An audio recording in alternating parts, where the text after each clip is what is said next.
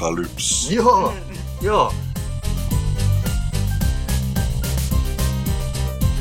Om vi vill kalla det för det. Klimatapokalyps. Det är svårt, svårt. det är jättesvårt. Det är svårt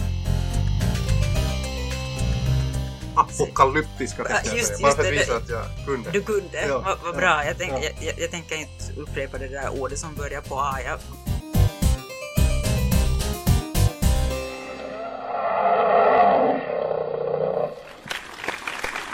Välkomna tillbaks till ett nytt avsnitt av Tigerpodden. Med oss här i studion har vi idag Jana Runt, hej på dig. Hej! Hannele Mikaela Taivassalo, hej på Rau, dig. här, hej. Och jag heter Janne Vass och jag är chefredaktör för Ny Tid. Vi har ett alldeles pinfärskt nummer av uh, Ny Tid framför oss som har kom- kommit ut här, här i fredags. Uh, tema där var politik och litteratur det tyckte Hannele att det var ett intressant tema. Kan du gå vidare på det? Nej, men jag har så här, äh, min killgissning här, äh, eller så här, känsla och intuition säger att, äh, att när jag tittar på litteraturen just nu så, så, så säger jag att den är mer politisk än, än någonsin. Äh, och kanske jag är lite, äh, jag är lite känslig för det här också för att jag skriver min första politiska, eller klart liksom så här politiska verk till min egen förvåning för att jag har alltid tänkt att just att skönlitteratur för mig inte inte ett, direkt ett budskap utan att, att det är kanske mer liksom existentiella projekt och frågor istället för, för, för påståenden. Men, men, äh, men ja, nu äh, skrev, skrev jag själv då äh, politiskt för första gången och, äh, och på något sätt så har jag sett också att till exempel lyriken är, är ganska politiskt och socialt medveten. Det finns en massa, massa lyrik som, som handlar uh, förstås om, om identitet men också identitetspolitik. Det är ingenting nytt, nytt med det. Men också liksom så här uh, uh, genus och, och problematisering av, av identitet men också samhället synas i lyriken och kanske också mer och mer tycker jag i romanen efter att man ganska länge varit lite rädd för att, för att göra sånt. Och nu säger jag ju inte att all äh, litteratur måste vara så här helt klart ha någon politisk ståndpunkt till exempel, men det tycker jag är intressant att också litteraturen igen och på ett, tycker jag, nytt och annat sätt äh, nyanserat börjar ta sig in samhälle. Och jag har tänkt på något sätt att det har någonting att göra med, och inte bara jag äh, har tänkt att det har någonting att göra med, med just det här skvalet vi har av åsikter hela tiden, att vi behöver kanske kanske vi ändå behöver den där litteraturen till att fördjupa oss i, i någonting större, i någon större helhet. Eh, någonting att, att, att ha som, eh, som bakgrund till våra egna analyser av, av, av samhället, någonting att arbeta emot, någonting att läsa, läsa vår värld emot, också liksom helt klart politiskt och samhälleligt.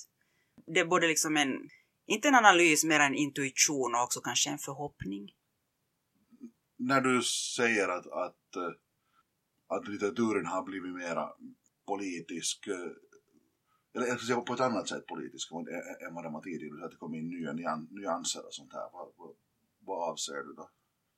Ja, nu måste, jag, måste jag erkänna att det här är en alldeles ny tanke för mig också, så jag har inte någon, och jag har inte, jag har inte tittat på det sådär instrumentellt, så, jag, så, så det är fortfarande bara just så intuitivt. Men, men att man just problematiserar kanske just det identitetspolitiska och problematiserar också sånt som äh, genus, kanske till och med äh, Eh, feminismen, det feministiska kanske börjar problematisera sig själv eller man äh, försöker vända på de här begreppen. Men också liksom det här samhället, jag menar det sipprar, världen sipprar ju alltid in i litteraturen, det är ju helt självklart och nu befinner sig världen på något sätt ändå liksom så här helt, helt klart finns den i våra, våra liv så att också saker som till exempel äh, den här flyktingsvågen tycker jag att jag har sett, alltså många av mina äh, kollegor har på något sätt blivit påverkade och det har sipprat in i, i litteraturen, både den som har kommit ut nu här under eh, den senaste tiden, eh, förstås för att det tar, till exempel romaner tar en tid att skriva så det kommer lite, lite så här med, med några, eller några år efteråt så behandlar man stora förändringar kanske i litteraturen. Om man, men men att, att där någonstans så tänker jag också så här att, att, att konsten ändå är ganska känslig, konsten är en barometer för, för världen. Uh, och och det, det, är intressant att se att, att, att ja, jag upplever och må, många andra upplever också att den här världen och det här världsläget just nu är, är på något sätt på många plan är kritiskt, både ekologiskt och, och just uh, problematiken kring populism och så här. Så, så uh, allt det här sipprar in också där i litteraturen och ännu starkare eftersom det sta så starkt är närvarande också i vår vardag och människor faktiskt Eh, eh, vilken dag som helst i veckan oroar sig för vart världen är på väg och vad framtiden egentligen innebär om den ens finns. Så att till exempel det, eh, nu fortsätter jag här en monolog, men just dystopierna har man ju märkt att ha haft en, en uppgång och det är alltid liksom, det korrelerar alltid med samtiden. När, när på något sätt dystopin finns i samtiden så skrivs också dystopierna. Jag håller, jag håller med dig, jag fastnar på det här med dystopier för jag skrev själv en artikel om om eh, vad eh, högerextremister läser för skönlitteratur eh, i, i det här numret. Och det där, det, det som var som jag, som jag på något sätt hade nog en, en, en uppfattning om från tidigare men som, som jag tyckte att var intressant hur tydligt det var att, att nästan all sån här eh, högerextrem skönlitteratur som har skrivits sedan 60-talet så har varit inom den dystopiska genren. Det har mm. liksom allt, alltid varit, allt av det har varit någon form av, av futuristisk science fiction. Och jag funderar att det måste delvis, delvis på något sätt ha att göra med att en samhällsbild som, som de författare som skriver som vill driva en, en högerextrem uh, ideologi inte riktigt hittar den där sin samhällsbild att, att ta avstamp från i, i verkligheten. Ja, ja. Och det är liksom så att eh, i den där dystopin så finns ju också en utopi alltid. Uh, och hur, hur såg det här ut då, det utopiska? Finns det där tycker du i den här högerextremistiska dystopin? Nu tänkte jag säga utopin. Ja, alltså det, det, finns ju nog, det finns ju nog där alltså på det sättet att, att, den, att den driver en, en viss människosyn, eh, det vill säga det, det, det, det som jag uppfattar av, av, av sådana här böcker som som uh, The Camp of Saints eller, eller Turner Diaries eller, eller, eller nyare, uh, ny, nyare högerextrema romaner som, som det är någon som jag tror heter den Black Apocalypse eller, eller, eller något sånt.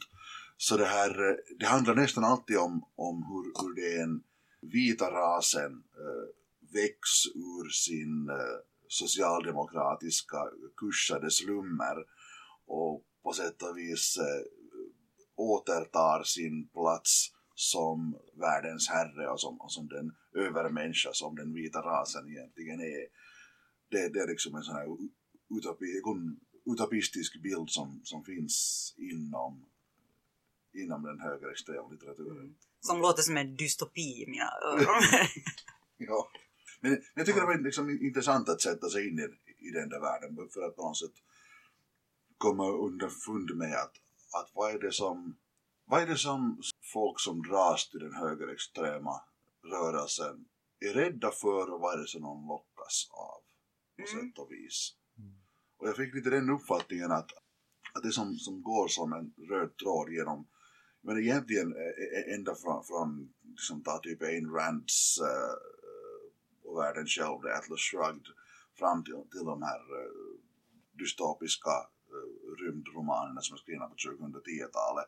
Så nästan alltid så handlar det om en vit företrädesvis manlig hegemoni som hotas av ett angrepp utifrån, antingen, antingen ett, ett rent fysiskt angrepp men, men lika mycket handlar det om ett kulturellt angrepp. Det kommer in nya tankar och idéer på sätt och vis och kulturer som, som hotar den eh, privilegierade position som den vita mannen har haft i, i, i hundratals, tusentals år. Och det, det handlar delvis liksom om, om, om ett konkret hot att bli av med jobb och, och, och pengar och, och, och, trygghet och så vidare. Men, men jag, har, jag har fått känslan av att det handlar mycket mer om, om en rädsla att förlora just en, en kulturell gemenskap och en, och en och en identitet som man på något sätt byggt sin världsbild och sin, och sin självbild på.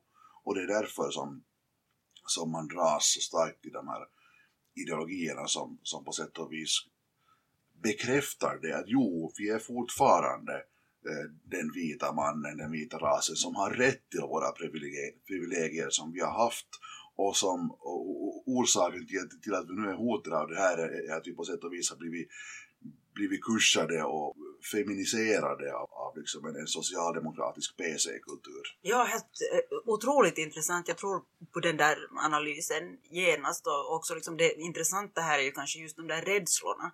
Att, att vad är man rädd för? Och, och det där har jag ju tänkt flera gånger också just med populismen att, och den populistiska jargongen. Eh, också. Att, att det handlar ju om att skapa ett vi och det, eh, det där vi behövs för att man saknar på något sätt en identitet eller känner den där identiteten hotad. Otroligt intressant också att tänka att nästan all eh, science fiction eh, i både film och litteratur, eller mycket av den science fiction som handlar om någon, någon så kontakt från en kultur från en annan del av rymden, så handlar ju på något sätt också om just så här rädsla för, för det främmande, alltså så här främlingsfientlighet.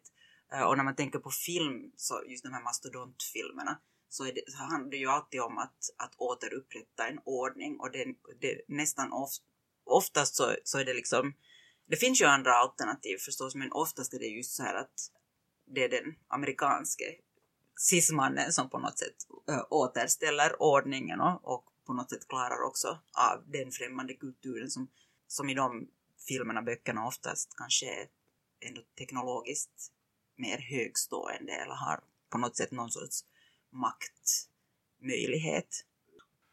Hur mycket tror du att du skulle måste läsa och hur länge för att det ska börja påverka dig på något plan som du kanske inte riktigt skulle vilja erkänna? Att du skulle liksom småningom börja tänka att det finns nog ändå, det finns ett hot här. Och du kan inte sätta fingret på det helt och hållet. Det är jättesvårt att, att säga, men det, det, det finns folk som har, som ofta är det, är det den vägen man kommer in i, i, i hö, högerextrema uh, gemenskapen, det att man, man börjar intressera sig av någonting och börjar läsa, kanske oftare facklitteratur. Mm. Ja, inte, ja. inte den farliga skönlitteraturen. Nej, nej alltså, alltså, jag menar, många kommer ju in i, i de högerextrema rörelserna genom att ha intresserat sig för, för militärhistoria till exempel.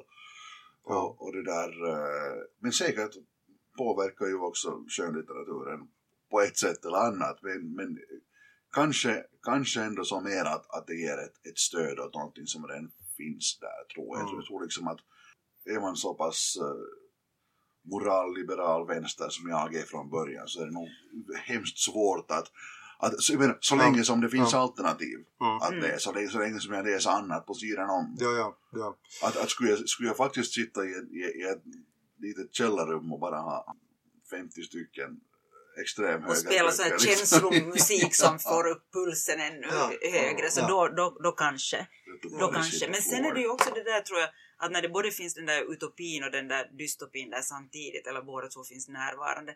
Så jag funderar på det där också gällande eh, min egen bok, men det är svårt att på något sätt se på sig själv. Att, att kan man möjligen läsa det här som inte, in, inte som kritik mot vårt samhälle utan liksom som en äh, annan sorts kritik av vårt samhälle. Att vem, när det finns två parter så möjligen kan man läsa den också som så att, ja, att ja, där, se, där ser man att det, det går åt, åt helvete och varför? Ja, för att de inte då liksom äh, tar itu med de riktiga problemen utan att de motar, det finns en motståndsrörelse som motarbetar just, äh, just den här äh, vackra äh, vackra världen där, där man försöker då hålla välfärden för sig själva och, och också genetiskt försöker modifiera en ännu bättre människa. Att det kan ju vara det goda och inte det onda. Att det beror också på liksom, ja, ja, en fascinerande tanke det där att kanske det beror på just vem som, med vilka, med vilka ögon man, man läser det, om man ser den här utopin som en dystopi eller dystopin som en utopi. Mm.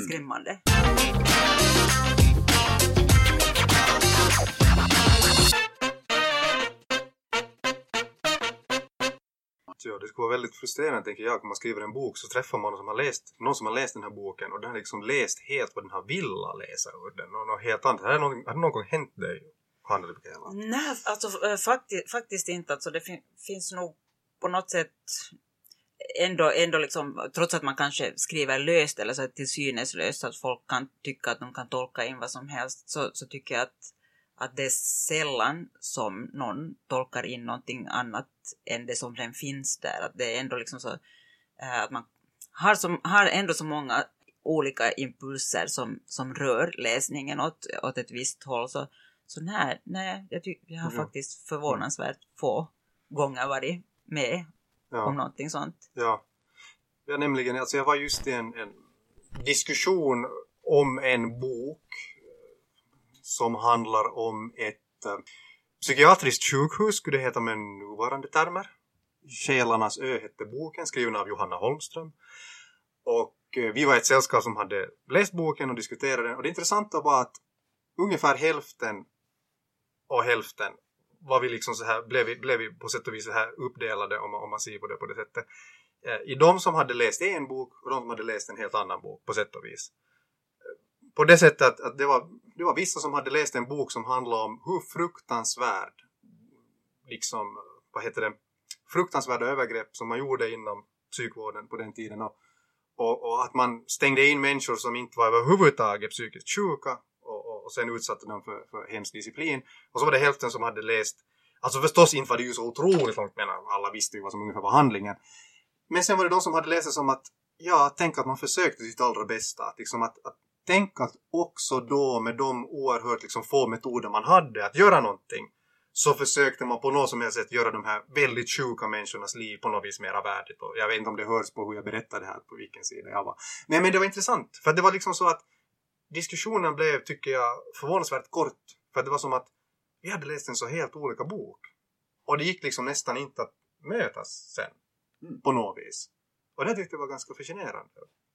Ändå. Ja, och ändå finns det ju på något sätt eh, någonting lika i båda sätten att, att se, se på det. Något, något ställe där man tänker att man ska kunna Ja. mötas.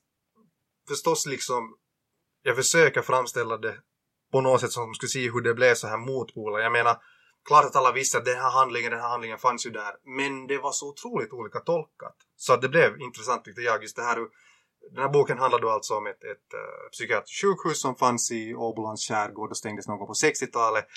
Och på den tiden var förstås metoderna med vilka man vårdar människor med psykiska sjukdomar väldigt primitiva. Man stängde in dem i isoleringscell när de var riktigt bråkiga. Och så också finns det förstås frågor om att hur egentligen psykiskt sjuka var alla de som stängdes in? Att var de egentligen bara så att de inte riktigt passade in i samhället? Men det som jag blev förvånad över när jag läste boken var att, att jag tyckte den var så väldigt nyanserad och att den hade ändå en så förhållandevis liksom på något sätt så här stor sympati och förståelse för de här människorna som jobbar på det här sjukhuset och, och liksom försökte göra det bästa av en jättesvår situation.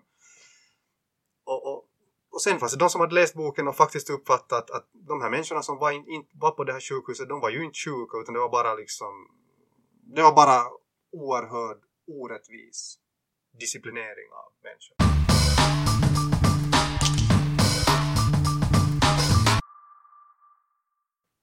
det som jag vill ha av litteraturen och det som jag hela tiden tänker att är det viktiga, att man får den där perspektivförskjutningen. En del av någon sorts total krock som gör att man, att man eh, när man kommer ut ur en bok ser på världen faktiskt med nya ögon. Eller att man bara li, lite, lite förskjuts för att man en stund har sett på den här världen eh, med lite andra, andra ögon. Så, det, så, så tänker jag också att så kan kanske också eh, litteraturen utan att behöva vara liksom så här explicit politisk ändå ha eller göra någon skillnad vara viktig, hoppas man ju, åtminstone om man är den som, som sitter där och försöker skriva den där litteraturen. Tycker ni att det var någon tid på ska vi säga 90-talet, början av 2000-talet då det var så att på något vis politiken gick ur kulturen eller konsten? Jag tror att, att lite liksom så här just efter 70-talet och, och den jätte på något sätt nog äh, politiska litteraturen då så, så tror jag, tror jag att, att både lä läsare och författare tyckte kanske, eller blev lite, blev lite rädda för just den där endimensionaliteten som till och med kan börja påverka hur man läser litteratur och också hur, hur, man, hur man skriver litteratur om det, om det finns om det finns en efterfrågan eller någonting som upplevs som att så här, så här ska litteraturen vara. Så att, att jo, på något sätt så tror jag att det är ett uppror mot, mot 70-talslitteraturen som har pågått alltså otroligt länge. Mm. Eh, och, och, som nog på något sätt korrelerar med den här samhälls, eller hur samhället har sett ut Mm. också. Och individualismen och allt det här istället för kollektivismen. Ja, jag, tror alldeles säkert att det också har haft en viss betydelse den här nyliberala tanken om att, om att samhället är färdigt. Mm. Jag menar, som, som Fukuyama sa på Ja. 80-talet, att, att, att hi- historien är slut på sätt och vis. Att, att det har inte heller funnits, eh, kanske bland konstnärer, men, men, men framförallt tror jag bland, bland eh, om man ser på kulturen ur större sy- synvinkel, alltså de marknadskrafter som distribuerar kulturen hade, hade tror jag fun- funnits en, en viss aversion kanske mot kultur som har varit explicit eh, politisk därför att man har, man har varit rädd att, att det skrämmer bort läsare och tittare och lyssnare och, och det där. Eh, därför jag tror, tror jag i samhällen, man har på sätt och vis glömt bort att det finns saker och ting att kämpa för. Man har glömt, bort att, att, man, att världen faktiskt kan bli en bättre plats. Man går, man går hellre kanske omkring och, och klagar på att världen, världen ser ut som den ser ut istället, istället för, att, för att fundera på att hej, att hur ska vi göra den till en bättre plats?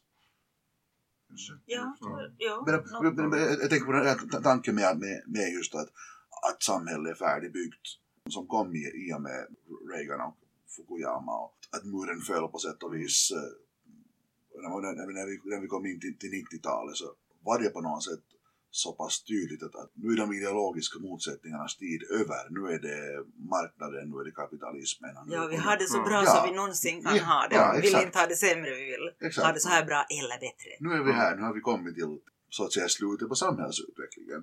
Och därför tror jag också att många inte tänkte på att hej, man kan faktiskt göra kultur om att förändra samhället fortfarande.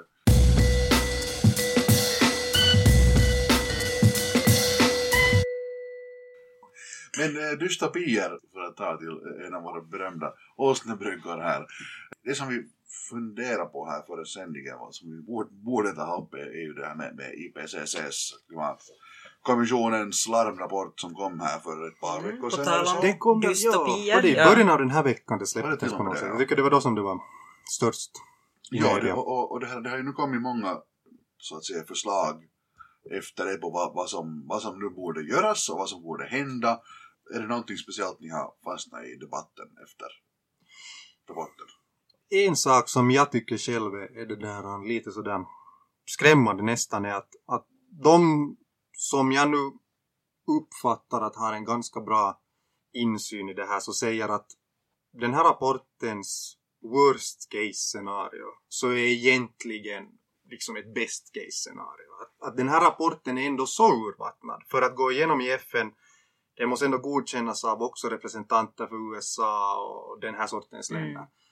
Och när man tänker på hur ändå radikalt oroväckande fakta som kommer fram i den rapporten och den är urvattnad. Så då blir det nog lite, tycker jag, att man faktiskt seriöst börjar fundera att hur illa är det då egentligen?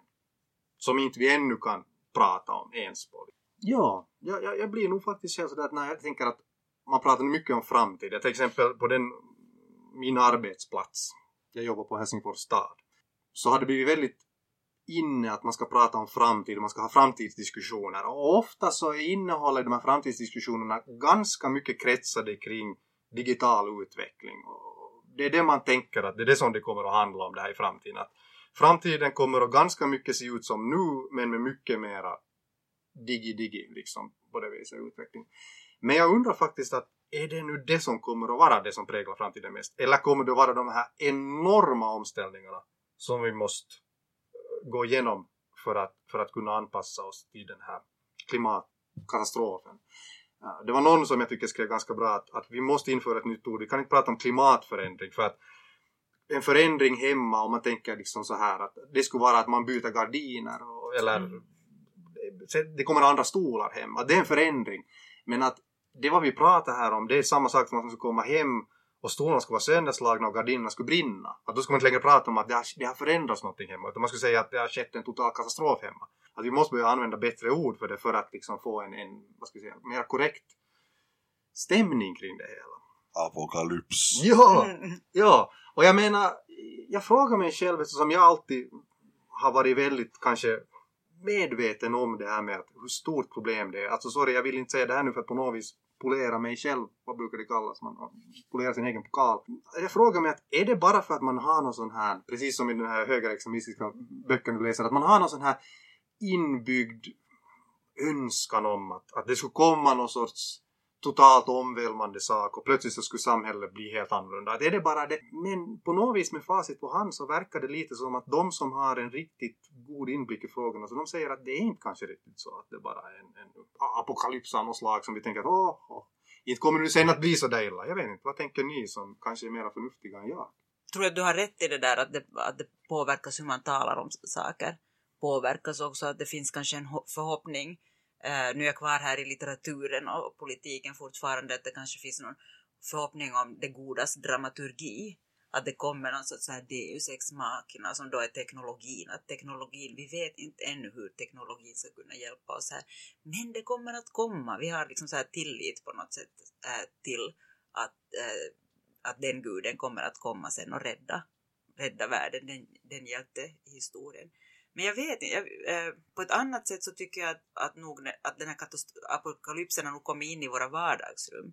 Tycker att faktiskt, eller har märkt att det är många fester jag har varit på där man helt plötsligt har, har stått och talat om, om den ekologiska katastrof vi står inför och, och vad vi ska göra eller ska vi bara lämna allt till våra barn? Två saker. Jag tror för det första att de flesta av oss inte har, har upplevt till exempel något sånt som andra världskriget som, som innebar en, en så pass gigantisk eh, världsomvälvning. Så vi kan helt enkelt inte föreställa oss någonting som, som så radikalt skulle förändra våra liv som klimatkatastrofen om vi vill kalla det för det. Klimatapokapoppa. Det är svårt ord, det är jättesvårt. Apokalypsen. Ja. Katastrofen är bättre. Ja, ja, det blir, ja. ja nej, jag, tror att vi helt enkelt på, no, på något teoretiskt sätt kan vi, kan vi föreställa oss vad det är frågan men, men jag tror att vi emotionellt mm. inte begriper vad det handlar om och därför har vi också svårt att skapa den resolution som behövs för att verkligen börja förändra våra liv. Det är ena saken. Den andra saken är det att eh, jag tror att det handlar inte så mycket om, om vilja som det handlar om att människan är en trög jävla varelse. Mm.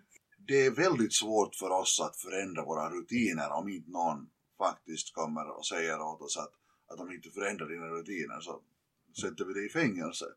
För det kommer alltid de här att nu, måste vi äta mindre kött och nu måste vi flyga mindre och så vidare. Och, det är sant, det måste, vi måste äta mindre kött och vi måste flyga mindre. Eh, men nu har det kommit allt flera sådana kolumnister som sagt att hej, att inte det är vi som konsumenter som ska, som ska behöva bära ansvaret för det här, utan ansvaret ligger ju på, på politiken, på politikerna och på oss som politiska varelser att se till att det kommer lagar och regler och restriktioner och straff. Och i, i, inte bara det att man ska hoppas att, att vi som, som mänsklighet, bara för att vi är goda varelser, automatiskt går över till att sänka våra utsläpp med, med åtta niondelar eller, eller någonting sånt här. Utan att det faktiskt behövs, eh, behövs att politikerna kommer in och säger att nu är det stopp. Både, både liksom för oss som, som konsumenter och för oss som, som eh, medborgare och framförallt för industri och, ja. och finansvärlden. Ja, men så tänker nog jag också för att eh, att just den här diskussionen, jag tycker att det är intressant också att den har blivit mer och mer nyanserad, det här personliga ansvaret. Det är klart att det finns ett mm. personligt mm. ansvar, men det finns också, också nu liksom så här långsamt ett ifrågasättande för att, för att det är så enkelt också att bara göra avbön eller bara vara medveten och då tror man redan att man personligen, ja att man, om man känner skuld så, så, så är man god. Och det kan redan invagga äh, oss personligen som de människor vi är i någon falsk föreställning om att vi är närmare liksom någon sorts, någon sorts räddning. Och, och, det är ju inte sant. Jag tror ju tyvärr att det är sådär att exakt, eller no, jag kan bara upprepa att jag håller med föregående talare. Jag tror tyvärr att det är så att, att det behövs lagstiftning, det behövs politiska beslut, kanske till och med äh, saker som äh, jag personligen tycker att är trista men som kommer att bli nödvändiga som kanske till och med liksom, äh, reserestriktioner.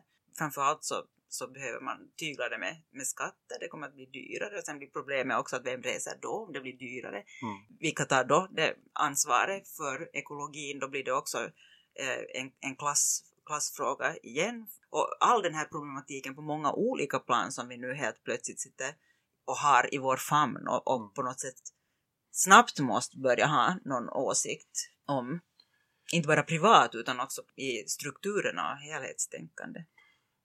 Faktiskt innan den här IPCC-rapporten kom ut eh, så läste jag i Veckans Affärer, en svensk ekonomitidning, om det hade tydligen släppts eller, eller på något vis spridits ett utkast för ett kapitel till en FN-rapport som kommer ut nästa år, eller ska komma ut nästa år, som heter Global Sustainability Report 2019.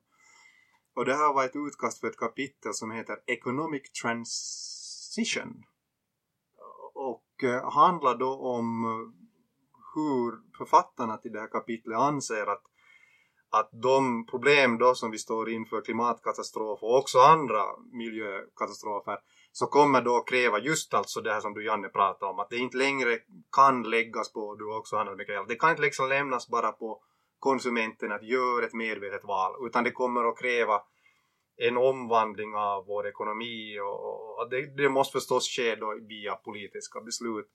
Och det som alltså gjorde mig lite sådär så där så att det nästan blev att jag blev lite så här skakad var det att det var så starka ord som skrevs i den här rapporten och den var ändå på väg alltså till en FN-publikation igen. Och, och lite likadant som den IPCC att man tänkte att oho, att det här till och med kommer från FNs håll. Klart att det är ju inte samma sak att det kommer från FN som att det verkligen börjar komma från någon, någon liksom stater som fattar sådana beslut. Men det är ändå liksom, det är ändå ganska, ska vi säga, på ett väldigt officiellt plan. Och, och innehållet i den här rapporten alltså gick ut på i stil med sånt som att att man kommer att behöva alltså politiska beslut liknande just alltså beslut man har gjort tidigare i krigstid och sånt här. Alltså just det här att, att man inte längre kan tänka sig att, att det är nu bara att man smickrar väljarna med att säga att vi gör nu något kiva och sen är alla nöjda. uh, utan att, att det, liksom, det kräver liksom verkligen sådana här enorma åtgärder. Och det där, nu för tillfället så är ju de här svaren som kommer från våra politiker. Så de är ju lite i den stilen att, att man säger att ja, vi har hört det här, det gör oss väldigt oroliga och nästa gång vi kalhugger liksom enorma områden av skog så kommer vi att tänka, men det hjälper inte. Att det där, jag tycker liksom att det, det är fascinerande att de här tongångarna på, på den här graden av officiell nivå börjar vara så olycksbådande. Mm.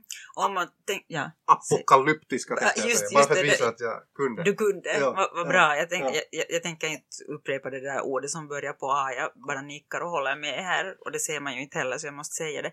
Men jag tänkte på det här med det personliga ansvaret. Eh, vi har ju varit, eh, eller vi har ändå haft en massa medvetenhet, ekologisk medvetenhet en massa år redan. Så att det, det har tagits, eller det finns personer som har tagit det ansvaret.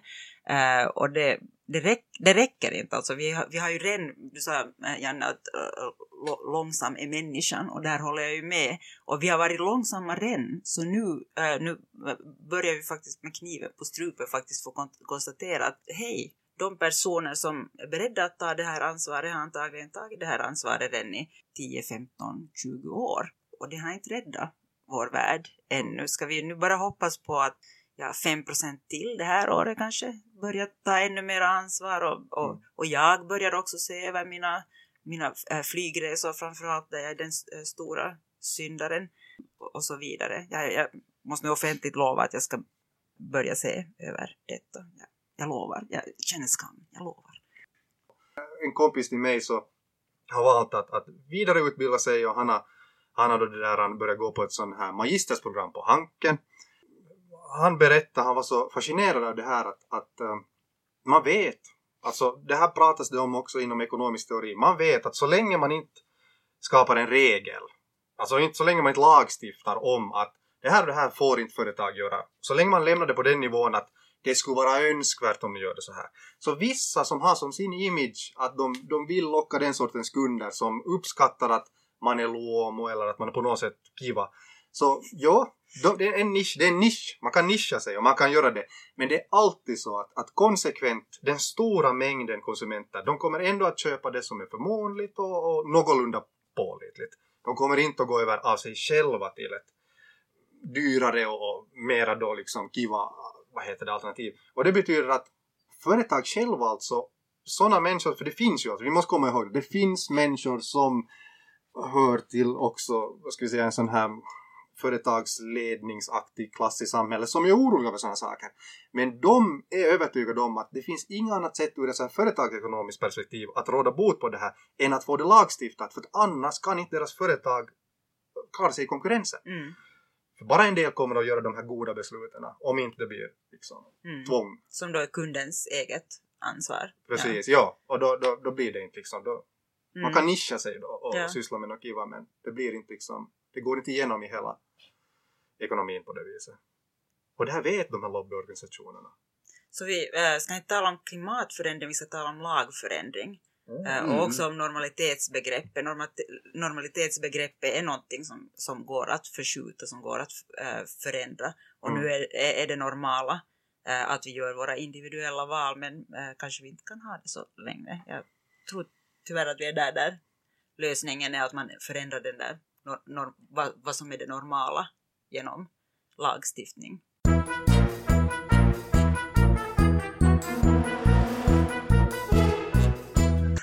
Hej, äh, till ett lite gladare ämne innan vi avslutar vår Hurra! podd. Igår är det dags för Helsingfors bokmässa. Där kommer en ny tid som vanligt också att vara med. Är ni bokmässomänniskor? Brukar Jag är utställningsföremål på bokmässan. Så, så, så ja, jag, jag, har, jag har sett på pro- programmet att jag måste vara där. Är det, är det någonting du trivs med att göra såna här grejer? Eller är det, är det mer ett måste som Ähm. kommer med författarskapet? No, bokmässor är lite problematiska att man är just kanske liksom, eh, en vara på, på en eh, marknad och det är kanske inte liksom det mest ultimata. Men sen tänker jag också att där finns ju de människor som tycker om böcker eh, som kommer dit för att de är intresserade av det. Så det är ju det, det fina men inte det är ju det inte det, det, det optimala stället för ett samtal som rör sig lite djupare. Det, det är det ju. Det är det ju tyvärr inte. Sen får man bara hoppas att människorna får med sig böcker och går hem och, och, och läser. Det, det är det viktiga. Men ja, jag ska vara, vara där och hoppas att det ska uppstå samtal trots att, att folk kanske sätter sig ner bara för att vila fötterna. Och går vidare sen hastigt. Är Jag har du, lite mark- marknadskänsla nog. är du, är du bokmässomänniska, Jan? Nu, jag måste ju tyvärr säga att det där... Jag har varit där nu några år för att det har råkat sig så att, att eh, jag via jobbet har, har hamnat dit. Men jag tycker att det är för höstligt alltså. Det, det går Mm. liksom inte ihop med min stämning för böcker alltså. Jag, jag går mycket hellre i en välsorterad bokhandel i Ja. så fall. än- Det är ju det där som jag tänker, men jag vet inte ens att får jag säga det, kommer jag på nu Nej, efter att jag var så här, äh, bokmässekritisk. Kanske Det- jag blir portad äh, Ja. Ur litteratur. jag, jag vet, men nej, det är nog en stor motsättning där på något sätt mellan, mellan det här hösle och just det där som jag tänker på litteratur, att det är någonting, äh, en plats där man får tänka, en plats där man får uppleva och erfara och också känna saker. Så nej, bokmässan är ju inte på det sättet i sig litterär, men där finns ju de där böckerna. Jag brukar själv, när jag har tid efter, efter alla mina, sådär me- mellan mina uppdrag i nutidsmonter, jag brukar ibland, alltid när jag har tid sådär några timmar extra, jag brukar ty- tycka att det är alldeles fantastiskt att strosa eh, i antikvarieavdelningen, för de har en gigantisk antikvarieavdelning. Och just för mig som till exempel söker ibland ganska udda skiffiböcker och sånt så, så är det, det är en skattkista att, att gå där liksom mellan de hyllorna och, och det är ofta lite mindre höstigt Ja, det är lite lugnare sidan. där. Man kan Ja, gå dit bara Ja. och njuta Ja. av att, det är liksom, att den här stämningen är lite långsammare, lite lugnare och, och tiden eh, står stilla. Det är inte bara den här säsongen, den här hösten och kanske möjligtvis våren och, utan det är tiden. Och så kan man köpa ett lakuband. Ja, det är sant. Icke att förglömma. Bra. Äh, Men äh, vi uppmanar alla våra lyssnare att, att komma och lyssna på Hanne eller Mikaela Taivassalo på äh, Bokmässan. Minns du alls vilka dagar du är där? Jag är där alla dagar. Jag är där torsdag, fredag, lördag, söndag. Ja, så, Så där, där är jag. Man får gärna komma och, och, och tala med mig för levande människor och, och litteratur tycker jag ju, tycker jag ju om. Och så kan jag påpeka att man äh, kan bli en tiger under Bokmässan, det vill säga man kan skriva in sig i Nytids understödsförening för 30 euro och, och stödja stöder det här och också vår möjlighet att i framtiden göra poddar till exempel eller kanske till och med vara med i en podd själv någon gång. Det är bara att komma till Nutidsmonter, det kommer att finnas Eh, nu vet jag inte den exakta siffran på monter, men det är alltså finlandssvenska tidskrifternas monter som brukar finnas där i den röda bokboulevarden. Och vi har ett specialpris på, på prenumeration dessutom under bokmässan, så om man kommer och beställer en prenumeration på Ny Tid under bokmässan så får man det för, för 60 euro ett års prenumeration när det vanligtvis är 72. Så att, välkomna dit! Och med det så tackar Tigerpodden för sig den här gången. Tack jag, Anneli Mikaela och Jana Fjälle. Igen. Tack. Tack.